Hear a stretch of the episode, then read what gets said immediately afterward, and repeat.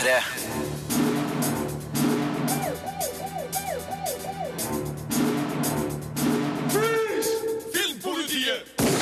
God fredag! Klokka er fire minutter over elleve, og det er tid for to timer stappfulle av prat om film, spill og TV-serier her på P3. Jeg heter Marte Hedenstad og er vikar for overkonstabel Birger Vestmo i dag. Han har akkurat kommet hjem fra filmfestivalen i Cannes og kommer innom som gjest for å snakke om hvordan det har vært å menge seg med stjernene i Frankrike. Vi skal føre intervjuer fra Cannes med bl.a. Kristoffer Hivju, Mats Mikkelsen og Sylvester Stallone. I tillegg får du spillanmeldelser av Wolfenstein, The New Order og Transistor. Selvfølgelig skal du også få anmeldelse av ukas kinopremiere, X-Men Days of Future Past. Så heng med! Filmpolitiet anmelder film. So many battles waged over the years. And yet, none of them like this. Når fortidens mutanter fra X-Men First Class forenes med nåtidens X-Men i X-Men Days of Future Past, er regissøren av de første X-Men-filmene, Bryan Singer, tilbake ved roret. Dette er en actionfest som ikke går i fella så mange superheltfilmer gjør i disse dager, nemlig å ha for lange actionsekvenser som trekkes ut til det kjedsommelige. Then they began targeting everyone. Året er 2023. En dystopisk fremtid der mutantrasen er i ferd med å bli utrydda av roboter programmert til å jakte og utslette mennesker med mutantgener. I denne fremtiden har professor X og Magnito lagt sine uenigheter bak seg og samarbeider for å sikre mutantenes overlevelse. Med hjelp av Kitty Pride, spilt av Ellen Page, sin evne til å sende en persons bevissthet tilbake i tid, sender de Logan, aka Wolverine, tilbake til kroppen sin i 1973 for å få hjelp av den unge Charles Xavier og Magnito, spilt av James McAvoy og Michael Fassbender, for å stoppe Raven, aka Mystique, spilt av Jennifer Lawrence, fra å drepe mutantforskeren Bolivar Trask, spilt av Peter Dinklage. Dette var nemlig hendelsen som utløste myndighetenes overbevisning om at mutantene var en trussel de trengte beskyttelse mot, og som igjen resulterte i Sentinel-programmet, som er i ferd med å utrydde mutantrasen i 2023. Could you give me that one more time, please? Stay with me. Henger du med? Hvis du er velversert i X-Men-historie, gjør du sikkert det. Og det er faktisk en nødvendighet i denne filmen. Regissør Singer bruker ikke tid på å etablere hvem som er hvem i dette universet. Han forventer at du har full kontroll. X-Men Days of Future Past er en strålende oppvisning i mutantenes krefter. Filmen har noen av de feteste scenene noensinne i X-Men-serien.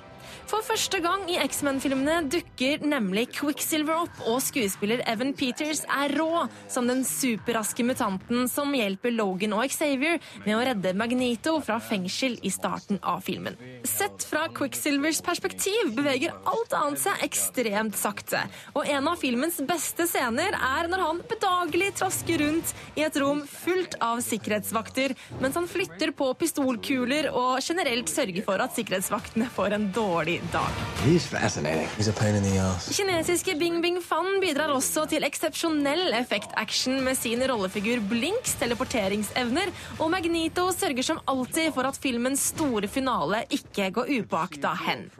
Bryan Singer er dreven i gamet, og actionsekvensene blir aldri kjedelige og kjennes aldri for lange. X-Men Days of Future Past er virkelig en film for X-Men-fansen. Filmen er proppfull av referanser som du kun plukker opp om du har sett filmene eller lest tegneserien. Å forene Patrick Stewarts klassiske X-Men med de yngre fra X-Men First Class fungerer flott, selv om det ikke er en dans på roser å forene de ulike tidslinjene her.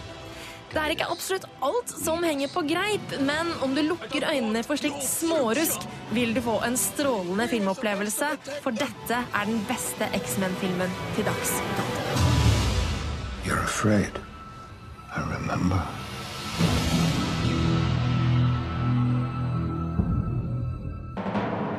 Terningkast fem. Store ord fra meg. Jeg mener altså at X-Men Days of Future Past er den beste X-Men-filmen til dags dato. Hvis du har lyst til å lese en litt mer inngående versjon av anmeldelsen, så klikker du deg inn på p3.no filmpolitiet. Der er også diskusjonen om filmen i full gang. Filmpolitiet med Marte Hedenstad på P3. Men det er ikke bare jeg som er i studio her i dag. Nå har sjefen sjøl, Birger, kommet.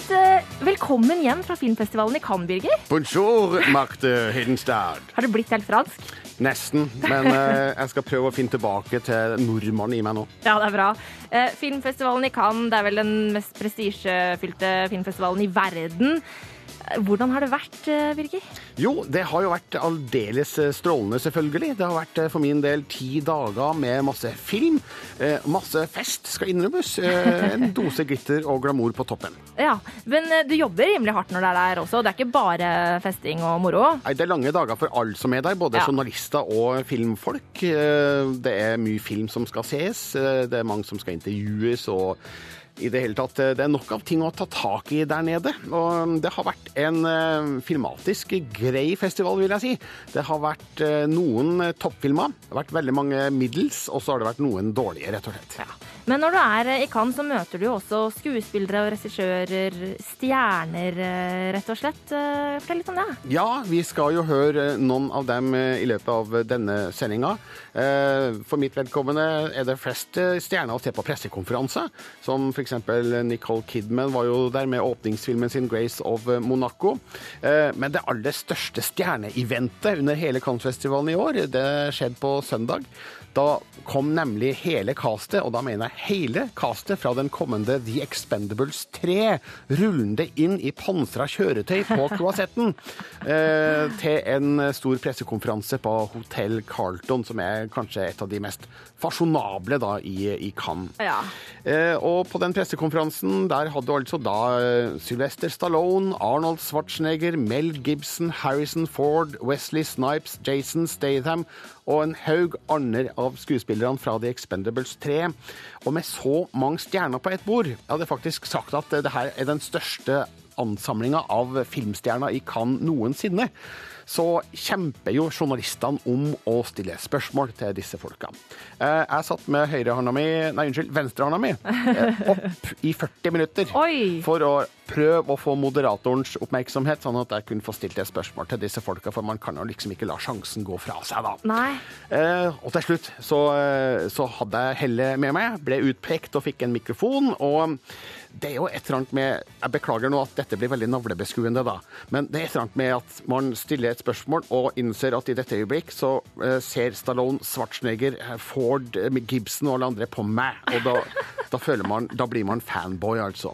Men eh, jeg stilte et betimelig spørsmål til um, Stallone om hvilken aldersgrense The Expendables 3 skal få. Litt dårlig lyd på Stallone, for han sitter 15 meter unna, men la oss høre på det. Hi, I'm uh, to your right. I'm Birgit Westmo from Norwegian Broadcasting. Uh, I'm just going to say it. I love violent movies. Uh, we like you too. Thank you. Uh, there were some rumors regarding the rating on the previous film. So the question is, what's the rating you're aiming for, you know, and why? First, got to ask that question. Now, what do you think is going to be serious? And I'm not being sarcastic. What does everyone think is going to be? Uh, raise your hands if you think it's going to be an R. PG-13. Yeah, bingo. We decided that we decided it's probably going to be PG-13, right, Abby?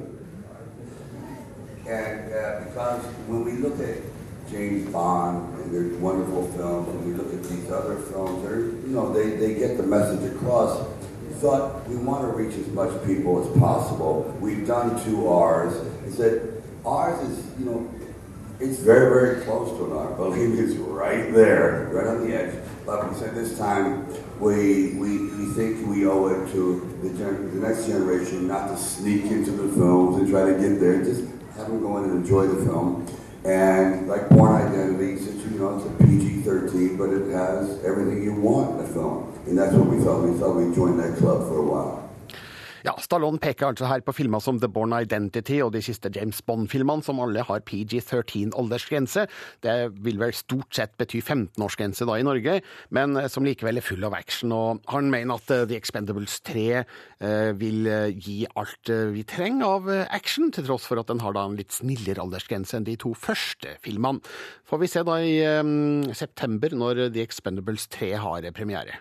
Og du har snakka med flere enn Sly, Birger, under filmfestivalen i Cannes. Straks så skal vi høre hvordan det gikk da du tok en prat med Mats Mikkelsen om The Salvation. Birger Vestmo han er fortsatt gjest her med meg i studio. Eh, hvordan er det å være gjest i eget program, Birger? Ja, Det er veldig morsomt. Eh, ny, forfriskende situasjon. Ja, eh, For du har jo med deg masse spennende hjem fra filmfestivalen i Cannes og prata med en hel haug med skuespillere og regissører, bl.a. Ja. Mats Mikkelsen. Ja, han spiller hovedrollen i The Salvation, som er en dansk westernfilm, av alle ting. Den er en del av det offisielle programmet, men stiller utenfor konkurransen. Eh, danskene var veldig stolte over å ha med The Salvation i Cannes, og Mats Mikkelsen var også veldig gira og i veldig godt humør da jeg møtte han sammen med sju andre journalister på en såkalt eh, rundbordkonferanse. Eh, det vil si at alt her foregår på engelsk, men det er vel kanskje like greit å høre Mikkelsen på engelsk som på dansk, egentlig, eller hva syns du? Jeg tror det, altså. Ja. Men i hvert fall i, i The Salvation spiller han den danske nybyggeren Jon, som drar til Amerika på 1870-tallet. Han får familien sin eh, myrda. Eh, han tar hevn, eh, men det viser seg at en av de han tar hevn på, er broren til en rimelig ond gjengleder et sted i det ville Vesten. Og det er masse skyting. og det, Den er veldig klassisk bygga westernfilm, det her, som følger sjangerkonvensjonene ganske tett. Eh, flott film. Eh, terningkast fire har jeg gitt den, og anmeldelsen ligger på nrk.no. Men da jeg snakka med Mats Mikkelsen, så var første spørsmål om han har drømt om å spille westernhelt. Yeah, it is now. I mean, uh, and, and, and it was actually when we did it, but it was not like Christian, the childhood dream. I, I was not running. I mean, we were all Indians in the 70s. Nobody wanted to be the cowboy, right? It was very political correct. So the game really never came up and running. Did you draw inspiration from the classic Western archetypes? No, not really. I mean, I, I, have seen films, but uh, and, and, and it's in there, and I do become the hero but I do it very late in the film, right? So what we're trying to just to give life to a man who is who is uh, in in the promised land, and he would love to have his family over, and he would love to be 90 years old and see his kids grow up, right? Uh, and but that changes, and uh, so he changes, and he also changes in his looks. He's if you can see, it's not my clothes. In the end, I'm stealing other people's clothes, so I end up like the classical Western hero. Is that difficult to play a man with a limited range of emotions on the exterior? Well, I don't. I didn't do that. I played a man with a lot of emotions, so I, I don't know. Well, uh, but he was a man of his time. He doesn't uh, show what he feels, does it? Well, we don't do that today either. Uh, I think that uh, it depends. I mean, he breaks down. Um, he, he's in tears half of the first half of the film, um, and then he's in anger, and then he's in fear. I, I, I mean, I, obviously, I could have. Um, open my mouth a little more. I don't know. I, I, don't. I mean, I think it's, it's a different way of perspecting it. I mean, that you can do it more theatrically, but uh, we can also do it what I believe is right to be true to the emotion and not try to show it, but just have it there for real. Um, so I think he's quite a contemporary man, actually. If that was real 1870s, he, he might not have broken down. He might have been a little more stoic. You know. What kind of man do you think you would have been in the West in 1871? I don't know. Um, I probably be working with something on a railroad because I, I, think that's really cool work, you know. But I'm not sure. It's a good question. I might have been John. I might have been that kind of man who's trying to settle and fix things. Veldig gira Mats Mikkelsen her, Birger. Ja, absolutt. Han var i godt humør og i godt slag, og kanskje fordi The Salvation eh, ble møtt med rimelig god entusiasme da under Cannes-festivalen. Ja, og du ga den terningkast fire. Ja. Anmeldelsen den ligger ute på p3.no eh, filmpolitiet. Du som hører på, klikk deg inn der og, og, les den om du ønsker det. Eh, men Birger, vi skal over til en litt annen type film. En norsk film. Ja, Det skal vi. Ja, og det er nemlig for du har tatt en prat med Atle Antonsen, eh, Ole Endresen eh, Og Edvard Schultheis. Ja, og hva i all verden var det de gjorde der nede i Cannes? Ja, de presenterte den kommende norske filmen 'Jakten på Berlusconi'. Eh, og klart, eh, når det dukker opp norske kjendiser i Cannes, så hopper jeg på det. Jeg gjør det, altså. Vi skal snart høre hva slags film dette er, og hva de egentlig gjør i Cannes. head. Herlig norsk musikk fra Le Metre, og vi skal eh, holde oss i Norge selv om vi skal til Frankrike, Birger, for nå skal det handle om eh, norsk komedie. Ja, for det er mange som drar til Cannes uten å ha noe med hovedkonkurransen der å gjøre. Og det er jo et filmmarked under festivalen der internasjonale oppkjøpere eh, får presentert eh, nye og kommende filmer, og kjøper da rettighetene til sine respektive territorier, eh, eller land, da. Ja. Og um, den norske filmen 'Jakten på Berlusconi', som har premiere 12.9., var til stede med både skuespillere og regissør Ole Endresen, kjent for Kong Curling, og han har også regissert Ut i vår hage. Og jeg snakka også da med skuespillerne eh, Edvard eh, Schultheis, som har hovedrollen, og Atle Antonsen, som spiller en eh, birolle i Jakten på Berlusconi. Vi var om bord i en eh, seilbåt i havna i Cannes. Masse god rosévin og god stemning i det hele tatt. Jeg spurte hvem er egentlig filmtittelens Berlusconi? Berlusconi er en hest. En av de så å si bedre. Men Berlusconi er ikke så interessant i seg selv, men den blir jo da kidnappa til syvende og sist. Og filmen i seg selv handler mye om jakten på den, eh, uten at den er en viktig medspiller. Det er ikke en hestefilm. Det kan jeg betrygge alle med, eh, som ikke er så spesielt glad i hest. Hest leverer dårlig på lerretet over tid, så den har vi tonet ned. Det er jo en eh, actionkomedie, dette her, hvor eh, utgangspunktet er at eh, karakteren til Edvard sliter med økonomien. Begynner da med dette Denne spillbransjen er det mye humbug i. Lett å komme seg unna med en del veddemål som kan være utspekulert nok. Og det forsøksvis går bra, inntil det ikke går fullt så bra. Og etter det så går det gradvis nedover med din karakter. Og alle karakterene, som da det er ganske mange av, eh, slites rundt det samme. Det handler om jakten på penger mye, ja. Teaseren som nå er sluppet, eh, gir meg, eh, Ole eh, Nå blir- du sikkert veldig sur, men gir meg et inntrykk av at dette er liksom i Tomme tønner-gata. Nei, det er det absolutt ikke. Det er jeg, jeg, vil, jeg vil heller si at vi er i Snatch lock-stock-landskapet. da. Norsk, norsk versjon av å være i det landskapet, ja. Fortell mer om din figur, Edvard. Jeg spiller en eh, karakter som heter eh, Bjarte Lem. En travkusk som eh, så til de grader gjør så godt han kan. Det er jo- Han er en travkusk da, som har rett og slett nådd middagshøyden. Eh, Tidligere toppkusk eh, har alt som er av meritter. Plutselig så befinner han seg i et sted i livet hvor han har fått jævla svær kulemave og ikke passer inn i drakta lenger. Mister da den gode hesten av Bjørn Flobergs hesteeierkarakter og må finne på noe annet for å tjene penger til livets opphold, rett og slett. Hva med din figur, Atle? Hvem er han?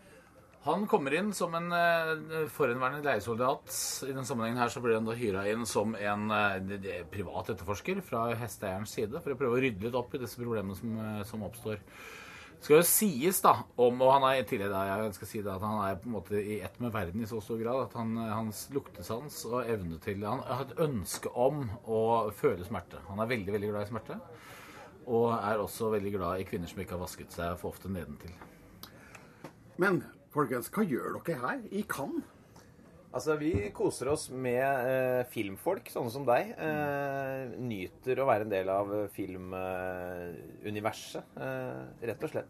Men er filmen på noe PR-fremstøt eh, mot eh, internasjonale oppkjøpere her? Om den er Altså, Det er man jo alltid. eh, ja, Man håper jo alltid at man skal klare å, å sprenge grensene utover eh, sitt eget land. Så eh, ikke noe kampanje, men, men eh, ja, vi er eh, Vi driver med markedsføring. Ja, Men er verden klar for norsk hestehumor? Ja, det tror jeg absolutt. Jeg føler travkomediesjangeren er når du eh, sier hestehumor at det er to ting som ikke hører sammen i det hele tatt. Hest er det minst morsomme dyret i denne verden. Hest er helt ubrukelig.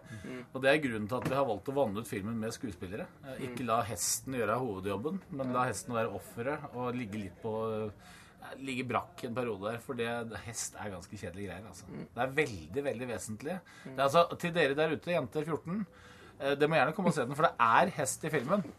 Men uh, til dere andre så er det veldig viktig å si at det er så lite hest i denne filmen her at det er fullt mulig å se på den og kose seg glugg i hjel. Altså. Mye hest og lite hest, altså. Ja, ja. Akkurat passe med hest, eh, med andre ord. Ja, absolutt. Ifølge Atle Antonsen i hvert fall. Og her hørte vi også um, Edvard Schultheis og regissør Ole Endresen. Og i tillegg til de her så er Henriette Stenstrup på rollelista. Også Bjørn Floberg, Jon Øigarden, Morten Ramm, Odd Magnus Williamson med fler.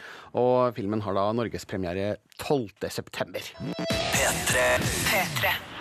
Filmpolitiet anmelder film.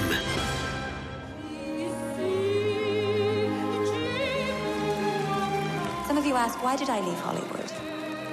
Well, I left because.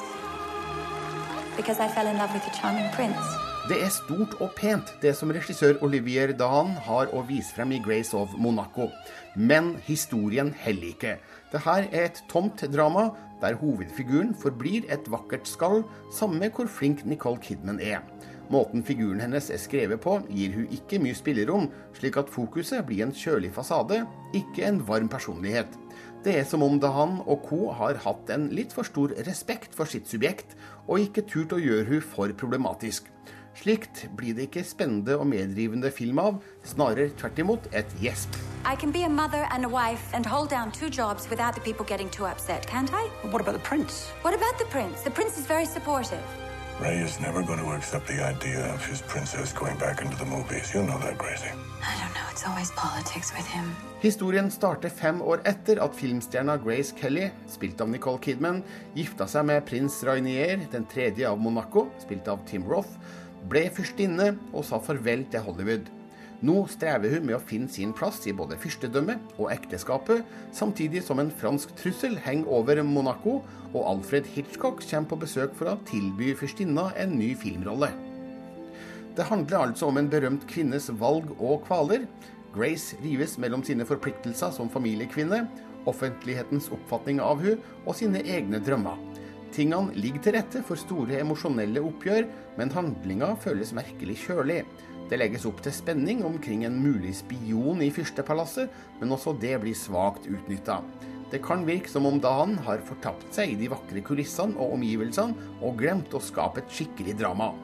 Filmen åpner med en plakat som sier det her er fiksjon, inspirert av virkelige hendelser, så det burde kun gå an å skru til litt. Say nothing, because everything you say has consequences. I don't know how I'm gonna keep him. I don't know how I'm gonna spend the rest of my life in this place where I can't be me. Nicole Kidman er dyktig nok til at vi virkelig tror på hun som fyrstinne med forhenværende filmstjernestatus. Hun har rett utseende, holdning og utstråling. Troverdigheten er ikke problemet. Figuren blir dessverre svak pga. et tamt manus. Det blir lite å hente av inntrykk omkring hennes personlighet, tanker og følelsesliv. Grace blir for glatt, og forblir en fremmed for filmens publikum. Grace of Monaco er en skuffende film fra regissør Olivier Dahan, som tidligere har filmatisert Edith Piafs liv med stor suksess i La Vie en Rose. Denne filmen er altfor ofte kjedelig, og føles altfor lang til tross for en kort spilletid på under to timer. Det føles ikke viktig å følge fyrstinnens vei mot sitt livs rolle, og heller ikke særlig interessant. Rent teknisk er den utsøkt, men det hjelper ikke når innholdet er til å trekke på skuldrene av. Hello, Ma. You're not seriously thinking about coming back, are you? You're not an actress anymore. If your family is to survive, you need to give them an ideal they can protect. And you need to do it alone.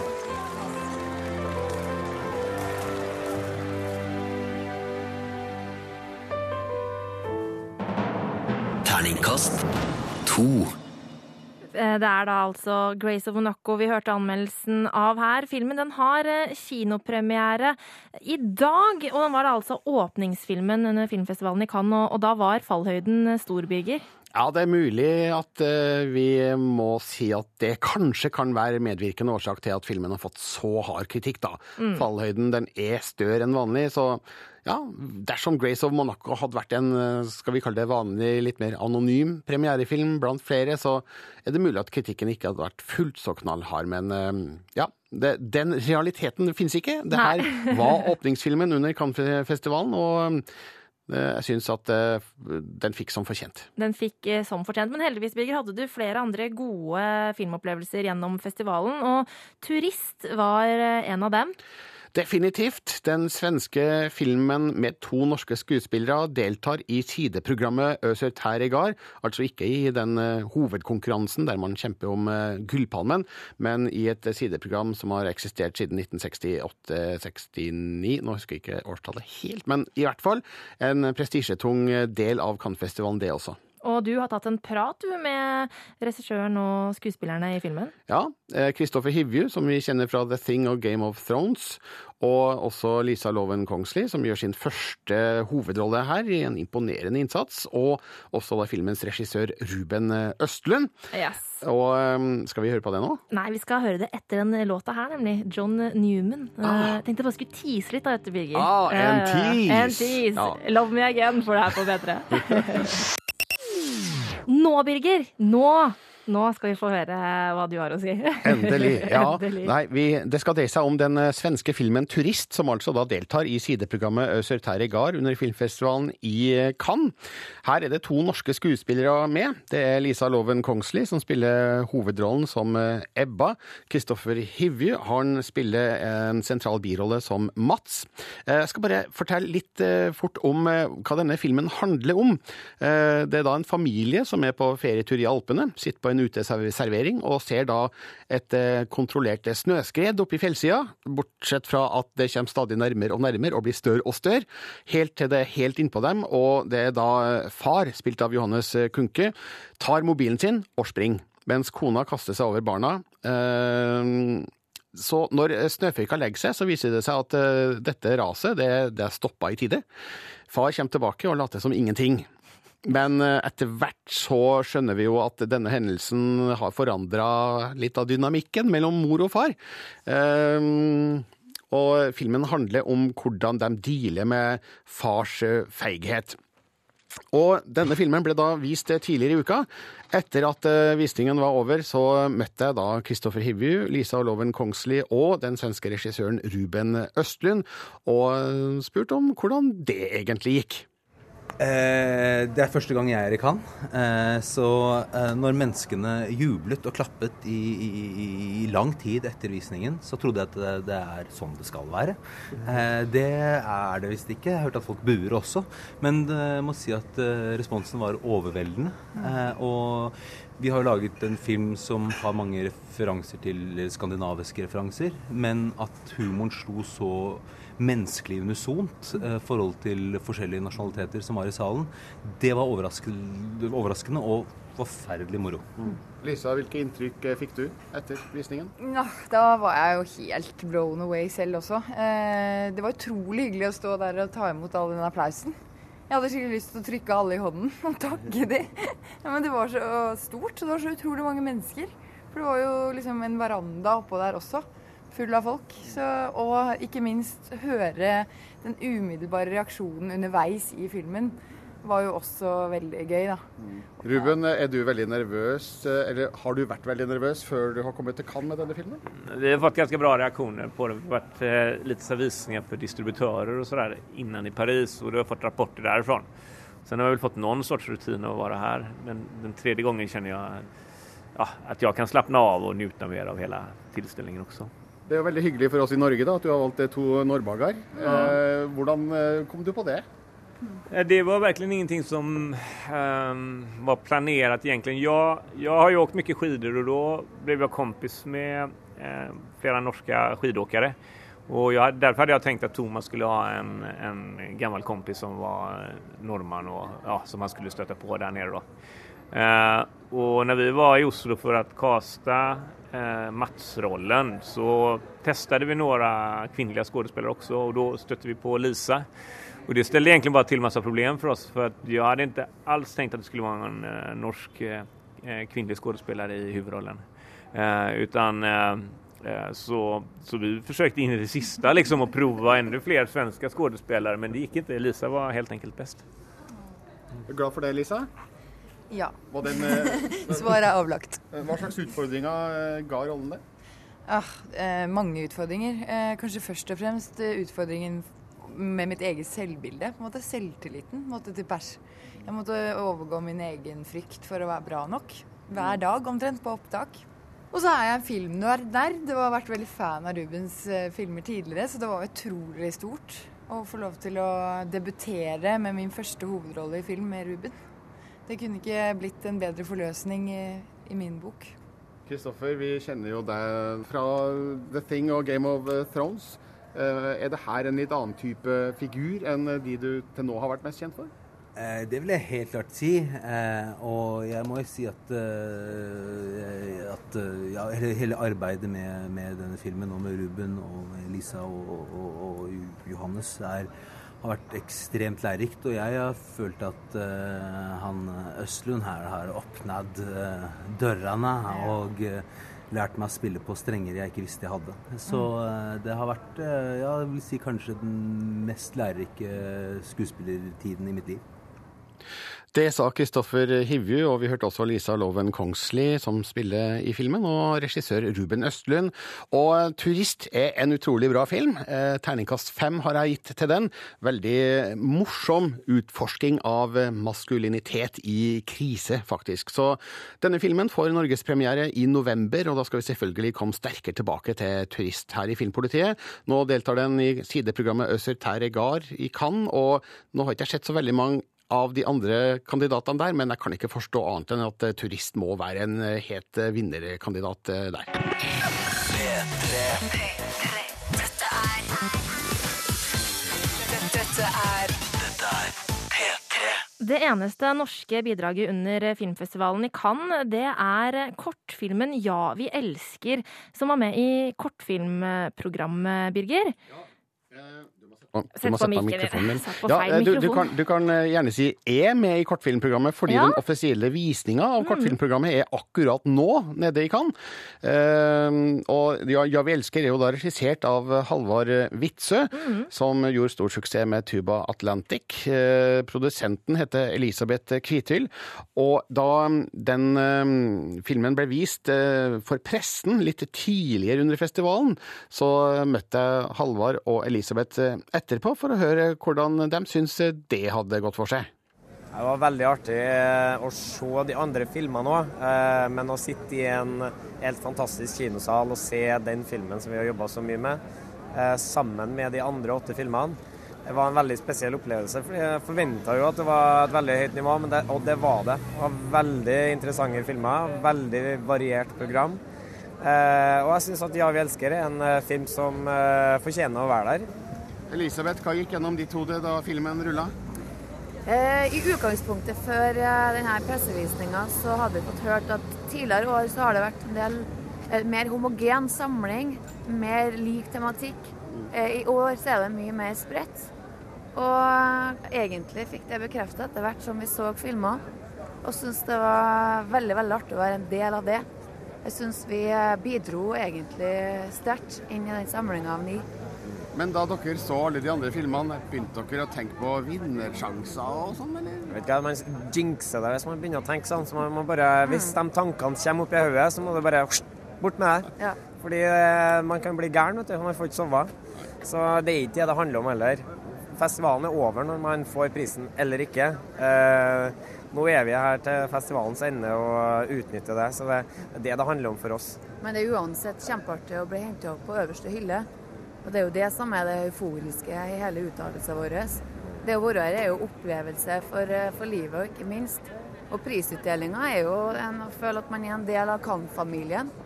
Så det er jo først og fremst sånn vi tenker om det, da. Ja. Ja, hva har dere vært med på her i Cannes eh, før eh, filmen ble vist? Vi har jo hatt en egen event der vi har markert 'Ja, vi elsker' på selveste 17. mai. Og det var jo veldig artig, for det var jo på en måte vår dag. Og vi markerte jo den med stor brast med Stranda mannskor, og vi hadde eh, masse inviterte kjente og kjære og interessante personer som eh, fikk et innblikk i, av oss, møte oss og filmen. Så det har jo vært en av de viktige tingene som vi gjorde eh, helt i starten. Og så har vi jo vært på masse møter, og man springer jo hit og dit og møter presse og, og møter andre filmskapere. Så det, det, det er liksom en eh, Fra ende til annen så er det bare en svær opplevelse der eh, du knytter kontakter som du kommer til å ha for resten av livet ditt. Ja, eh, Hva slags kontaktknytting er det som foregår her, Elisabeth? Nei, altså For min del så handler det jo selvfølgelig å sikre livet videre på, på filmen. Så salgsagenter, distributører, og dem som da er generelt interessert i å gi mer liv i, i filmen videre. Og det er både nasjonalt og internasjonalt. Så det å sikre et festivalliv videre, og også TV-visninga, er hovedsakelig min jobb, da. Hvor går veien videre for Ja, vi elsker nå? Nå er det Palm Springs som er vår USA-premiere. Så det er det vi kommer til å fokusere på etter Cannes. Men er det noen mulighet for at Ja, vi elsker kan være forfilm på en vanlig kinovisning f.eks.? Absolutt. Det er kjempeinteresse fra flere kinoer rundt om i Norge. Eh, blant annet spesielt fra eventen vår på 17. mai, så var det flere som kom og, og klaska visittkortet i bordet og sa 'vil du ha den på kino'? Ja, sa jeg. Regissør Halvard Witzøe og Elisabeth Kvitvild var tydelig fornøyde Birger, med mottagelsen Ja, vi elsker fikk av pressen. Ja, det gikk bra. Den har løsta, løsta Den har høsta lovord. Og jeg fikk dessverre ikke sett den fordi jeg måtte gjøre andre ting i Cannes akkurat under denne pressevisninga, men jeg møtte dem i hvert fall etterpå, da, midt på kroasetten, og de var tydelig fornøyde med hvordan det hadde gått. Så i morgen da får vi svaret på om den får gullpalme for beste kortfilm. Det skal bli spennende å se. Mm, det blir veldig spennende. Og vi skal ta en liten prat vi, Birger, om eh, hvilke filmer du tror stikker av eh, med prisene i morgen. Ikke bare en liten prat, men en stor P3. Vi nærmer oss eh, slutten av eh, filmfestivalen i Cannes. eh, Bonanzaen vår, Birger. Ja, det er riktig. For eh, i morgen så er det jo over. Ja, da skal prisene deles ut nede i Cannes. Eh, Gullpalmen skal deles ut i diverse kategorier. Mm. Og eh, du har jo sett eh, ikke alle filmene på programmet, for det er umulig, men mange av de. Ja. Hvilke likte du best eh, av de du har sett? Ja, jeg har sett ti av de 19 i hovedprogrammet, og den er likt aller best. Det var den som ble vist i går, faktisk, nemlig 'Mommy' av den canadiske regissøren Xavier Dolan. Handler om eh, ei mor med skikkelig bein i nesa, for det må hun jo ha. Hennes sønn har nemlig kraftig ADHD, og vi følger da mm, deres eh, liv og hvordan de blir kjent med en ny nabodame, og hvordan dette påvirker deres liv. liv. Uh, en veldig sterk eh, film. eh, En film som virkelig lever. Et energisk filmspråk og fantastisk hovedrolle av eh, Ann Dorvald. Jeg vil anta at hun er en god kandidat til Gullpalme for beste skuespill, og jeg håper virkelig også at filmen er aktuell for en eh, Gullpalme for beste film. Men Ja. den, den har noen eh, kandidater mot seg, da. Eh, eksempel eh, brødrene Jean-Pierre og Luc Dardenne eh, med filmen De jour une nuit. Mm, Veldig usikker på fransk uttale der, men To dager, én natt blir vel den norske tittelen når den etter hvert kommer på kino. Marion Cotillard spiller hovedrollen. Det er sosialrealisme, det her. Det handler om ei dame som i løpet av en helg må dra rundt til alle sine kolleger og be dem droppe bonusen som de har blitt lova, slik at hun kan få beholde jobben sin. Ja. Så her går vi rett inn i Europas vanskelige økonomiske situasjon. En film som øh, gjorde stort inntrykk på mange, har jeg hørt. Ja, den ble mottatt med jubelrop, og Marion Cotillard spiller veldig godt i denne filmen. Så det er også en god kandidat i flere kategorier til, til Gullpalmen. Um, Mike Lee er jo en veteranregissør som igjen har skapt eh, en film verdt å få med seg. 'Mr. Turner' handler om den britiske maleren Joseph eh, Turner. Nå er vi på første halvdel av 1800-tallet her, mm så det er Jeg skal ikke kalle det kostymedrama, akkurat, da, for, men det, det, det er en veldig pent filma historie om hans siste år. Hans um, omgang med kvinner og hans uh, deltakelse i kunstlivet. Ja, Du skrøt veldig av filmfotografen eh, på den filmen i anmeldelsen din. Ja, det er aldeles nydelige bilder her, og Dick Pope, som han heter, kan også gå mot en gullpalme for uh, sin innsats her.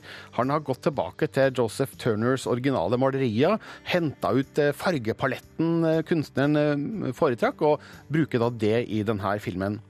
En lang film er aldri å forakte i et Cannes-program. Vi husker jo at det blå er den varmeste fargen, gikk av med seieren i fjor, og den er vel tre timer lang. Regissør Nuri Bilger Ceylan Usikker på uttalen her.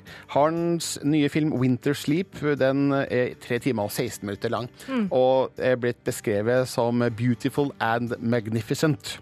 Jeg fikk den dessverre ikke med meg. Men øhm, den er nevnt som en gullpalmekandidat. Eh, til slutt så skal jeg nevne Steve Carell. Av alle ting.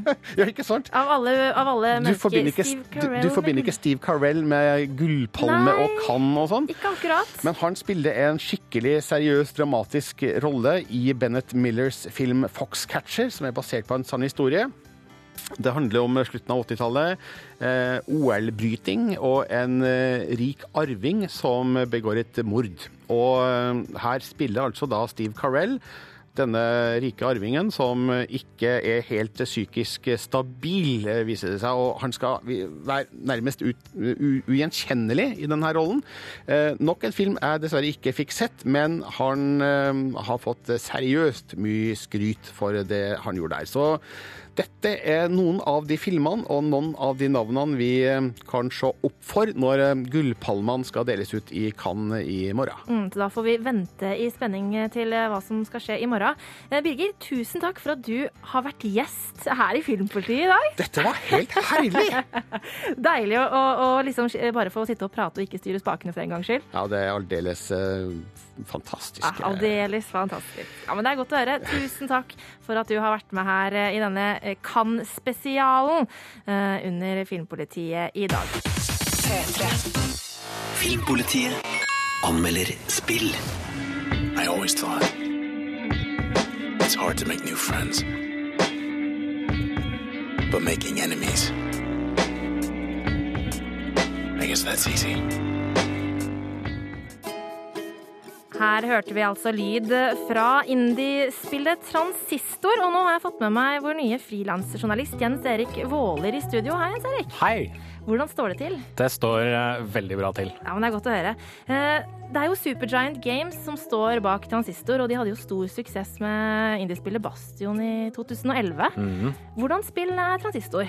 Eh, Transistor virker som et litt mer voksent produkt enn Bastion var. Eh, det, har, altså det er et spill med, som eh, kanskje er litt eh, tregere i liksom, historiefortelling, i kampsystem og i uh, rytme enn mm. Bastion, men likevel så, så er det Det forteller langt mer tragiske menneskeskjebner, og du, du får en følelse av at de som utvikler, kanskje har eh, utviklet seg, for å bruke Ja. det, det ordspillet der, eh, og klart å skape liksom enda sterkere og mer voksne produkter enn Ja. det de begynte med. Eh, For det her er jo et, eh, et typisk rollespill. Hva er det det handler om? Altså, Det starter med et mord, som så veldig mange gode historier ofte gjør. Du spiller sangerinnen Red, som har mistet stemmen under dette mordforsøket, men hun har fått et sverd, et høyteknologisk sverd, som er da den titulære transistoren. Mm. Og med denne så kan hun da bekjempe robotene som har eh, inntatt eh, byen eh, Cloudbank. Som, og så må hun da selvfølgelig komme til bunns i hvorfor hun har blitt forsøkt drept, og hvorfor hun har mistet stemmen. Ja. Du sier at uh, Supergiant Games har utvikla seg litt. Uh, og jeg vet jo at det er et uh, ganske interessant kampsystem i Transistor. Hvordan fungerer det? Det, stemmer, altså det, det fungerer ved at man uh, inn i en kampsituasjon møter på en robot eller fem. Uh, da kan man trykke space, eller bare en knapp på kontrolleren din, og så går alt inn i pause. Og da kan du rett og slett på en tidslinje planlegge alle trekkene du skal eh, gjøre framover innenfor en viss liten periode. og så trykke start, og så ser du alt skje oh, veldig fort. Det høres ut som noe som eh, føles veldig deilig ut være Hvis man har gjort det riktig, da. Yes, absolutt. Og da kan du, da kan du selvfølgelig, eh, når alt står i pause, planlegge, sjekke hva som funker i hvilke situasjoner, hvilke kombinasjoner du skal sette opp, og hvordan du skal eh, komme deg rundt og bak fienden, sånn at du kan gjøre mest mulig skade. Og eh, disse eh, ulike angrepene du kan gjøre, kan kombineres på masse forskjellige måter. De har aktive effekter, de har passive effekter, de har sekundæreffekter som de kan stables oppå hverandre, til du da til slutt blir en ja, vandrende, robotsløyende kvinne. Du, det høres kjempegøy ut. Det er kult med en, en kvinnelig hovedrolle. Eh, Men eh, Bastion, eh, det fikk jo kjempegod kritikk. Altså, er transistor like bra som det var? Altså, det er to spill som på en måte kan sammenlignes, og på en annen måte ikke kan sammenlignes. Eh, Begge spillene bæres av én fortellerstemme, som er Logan Cunningham, som er denne fyren vi hørte i klippet før her, Mhm. denne whisky-stemmen. Um, Men det er også veldig forskjellig, fordi som jeg nevnte tidligere, det har en litt, et litt tregere tempo, litt tregere historiefortelling, men virker også da, som jeg sa, langt mer eh, voksent, fordi den fokuserer mer på enda mer tragiske menneskeskjebner og forsøker å fortelle en litt mer sånn dyptpløyende personlig historie enn da kanskje Bastion gjorde. Ja. Eh, og, eh, så det er en, en strålende spillopplevelse her, skjønner jeg. Så absolutt. Eh, og hvis Du skal jo lande på et terningkast, Jens Erik. Ja. Hva er det du triller for transistor? Jeg landa til slutt på en femmer. Det På er et meget ypperlig godt eh, spill, og det burde oppleves. Jeg skal, du skal ikke se bort fra at jeg havner på uh, noen topp fem eller topp ti-lister på slutten av året. Nå skal vi fra Jens Erik Vålers spillanmeldelse over til min serieanmeldelse. For eh, denne uka var det nemlig premiere på en ny serie i HBO Nordic, nemlig Showtimes Penny Dreadful. I ask you to suspend your disbelief and imagine your minds floating in the darkness of time. Let your imaginations be liberate and roam with me. Tar du en god dose gotisk skrekk, en dash psykologisk thriller og en klype mystikk, blander dette sammen og kaster det ut i et viktoriansk London, får du Penny Dreadful. I et tregt tempo serverer serien velkjente skrekklisjeer, historier og figurer i en innpakning som er såpass fin at det kjennes ut som du får noe nytt. Resultatet er eh, et spennende, men litt merkelig skrekkdrama som garantert vil fange interessen om du er glad i klassiske skrekkhistorier. I'm trying to rescue my daughter. To save her, I would murder the. Penny Dreadful bringer kjente figurer fra klassiske gotiske romaner sammen i én historie. Jeg sier ikke hvilke, for litt av moroa er å oppdage hvem de ulike figurene er. Vi befinner oss i London på 1890-tallet. En brutal drapsbølge, verre enn da selveste Jack the Ripper herja, skyller over byen. Kvinner dukker opp lemlesta og revet i filler. Midt oppi dette er den velstående og innflytelsesrike oppdageren sir Malcolm Murray, spilt av Timothy Dalton, på leting etter sin forsvunne datter Mina. Sammen med det gåtefulle mediumet Vanessa Ives, spilt av Emma Green, infiltrerer han Londons underverdenen for å finne henne. En underverden fylt av vampyrer, demoner og andre overnaturlige vesener. We have continued use of a man of your skills. And what kind is that? Når man beveger seg i slike farlige omgivelser, trenger man litt ekstra sikkerhet, og derfor hyrer de inn en revolvermann med en trøblete fortid. Amerikaneren Ethan Chandler, spilt av Josh Hartnett. Vi møter også en genial, men hemmelighetsfull doktor, spilt av Harriet Treadaway, og en vakker, men tuberkuloserammet hore, spilt av Billy Piper. Alle har hver sin historie som veves sammen i løpet av de to første episodene av serien. Manuset, skrevet av John Logan, som bl.a. er kjent for sitt arbeid med Gladiatoren, Rango, Sweeney Todd og Skyfall, er skrevet med et språk som er troverdig for London på slutten av 1800-tallet. Og skuespillerne leverer for det meste. Eva Green er som født for rollen som mystisk medium med indre demoner, og Harry Treadaway er spesielt overbevisende som den unge doktoren som ønsker å ta vitenskapen et skritt videre. There's much we don't know and must discover. And what's your part in all this? My part is my own. Tempoet i Penny Dreadful er treigt. Handlingen snirkler seg fremover i sneglefart, og det er svært lite som avsløres om figurene og Minas forsvinning i hver episode. Som en skrekkserie er det også svært få virkelig skumle scener, men dermed gjør de desto større inntrykk når de først kommer. Denne kombinasjonen gir serien en intens følelse av mystikk, forvirring og spenning som fungerer godt. Jeg er hele tiden nysgjerrig på hva som skal skje videre. No, no, not like that. Not impulsively, not without thought. Look into my eyes. Seriens beste trekk er hvordan velkjente figurer fra litteraturen fremstilles på ny måte. Når man tar utgangspunkt i klassiske fortellinger, er det alltid en fare for at følelsen av gjenbruk blir litt for stor. Men Penny Dreadful klarer å gi meg en opplevelse av at jeg møter disse figurene for første gang. Jeg gleder meg til å følge med på serien videre. Og min anmeldelse av Penny Dreadful var basert på de første to episodene i sesong én. Terningkast fem. P3. P3. Filmpolitiet anmelder spill. Hva hadde skjedd hvis Hitler vant andre verdenskrig? I det første Wolfenstein-spillet på fem år så må den ikoniske helten Blaskowitz nedkjempe onde nazister for fote. Spillanmelder Rune har reist tilbake til 1960-tallet og gått i krigen i The New Order. B.J. Blaskovich. I thought I was a goner. And here you are, back from the dead. Ready to set things straight, Wyatt. William B.J. Blazkowicz er tilbake i samme satiriske formtopp som da han debuterte i den berømte og beryktede Wolfenstein-serien i 1992. Skadet, bitter, sint og ute etter å kverke så mange nazister som overhodet mulig. Og fiendene? Jo, nazistene står på rekke og rad, klar til å slaktes for fote i Wolfenstein The New Order. Og la dem komme, for det første spillet i serien siden 2009 er et solid og underholdende eventyr fra et alternativt univers hvor nazistene vant andre verdenskrig. Spilleren, i rollen som Blaskowicz, er en soldat som sammen med en motstandsgruppe setter i gang en rekke tilsynelatende umulige motangrep for å svekke den tyske krigsmakten på 1960-tallet. Det svenske spillstudioet Machine Games forteller en voksen, festlig og noe schizofren historie hvor krigen aldri helt tok slutt.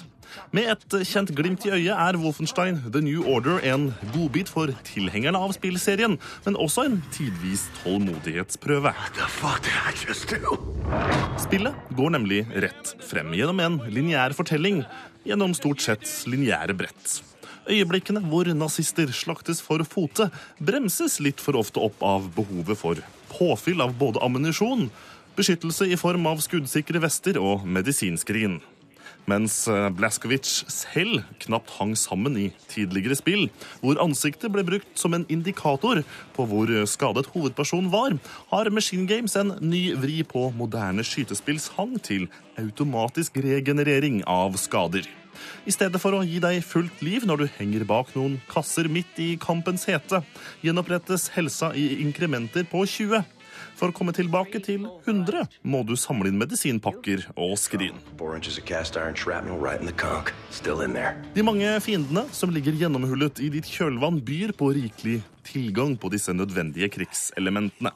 Men når spillet forsøker å skru til intensiteten i oppdragenes sluttfase, gjøres ikke det ved hjelp av fortellingen eller narrativet, men med økt vanskelighetsgrad.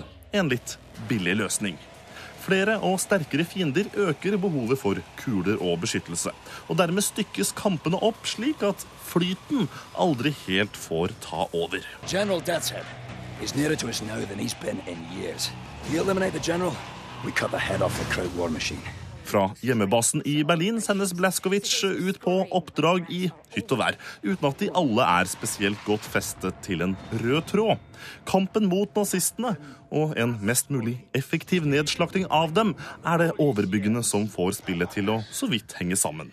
Men gode stemmeskuespillere får likevel spilluniverset til å leve, og de mange fargerike figurene du møter på, eller i din vei, bærer min og spillutviklernes entusiasme fra utfordring til utfordring. På en side er det underlig å spille et Wolfenstein-spill som ikke er utviklet av veteranstudio ID Software, som de siste 20 årene har hatt ansvaret for serien. Samtidig gir svenskene i Machine Games spillserien et nytt dytt oppover, og makter å gi troverdighet til det alternative universet spillet foregår i. Wolfenstein The New Order er, trass noen svakheter, et solid skytespill med en historie jeg bare vil ha mer av. Blaskovic, det er godt å ha deg tilbake i form. What have you been up to, Blazkowicz? Shooting, stabbing, strangling Nazis. Terningkast fire. Ja, 22 år etter det første Wolfenstein-spillet kom ut, så lever altså spillserien i beste velgående. Hvis du klikker deg inn på p3.no skråstrek eh, filmpolitiet, så kan du si din mening om The New Order, og også se filmklipp fra spillet. Filmpolitiet Med Marte Hedenstad. NRK. NRK. Og med det er Filmpolitiet faktisk ferdig for i dag. Tusen takk for at du har slått følge med meg her på lufta på P3. Neste uke så er Birger Vestmo tilbake i programlederstolen som vanlig. Det har vært et eh, fullspekka show her i dag, og hvis du har lyst til å lese mer av alt stoffet fra Cannes eller anmeldelser av film, spill og TV-serier, ja, da klikker du deg inn på p3.no skråstrek filmpolitiet. Hør flere podkaster på nrk.no podkast. P3.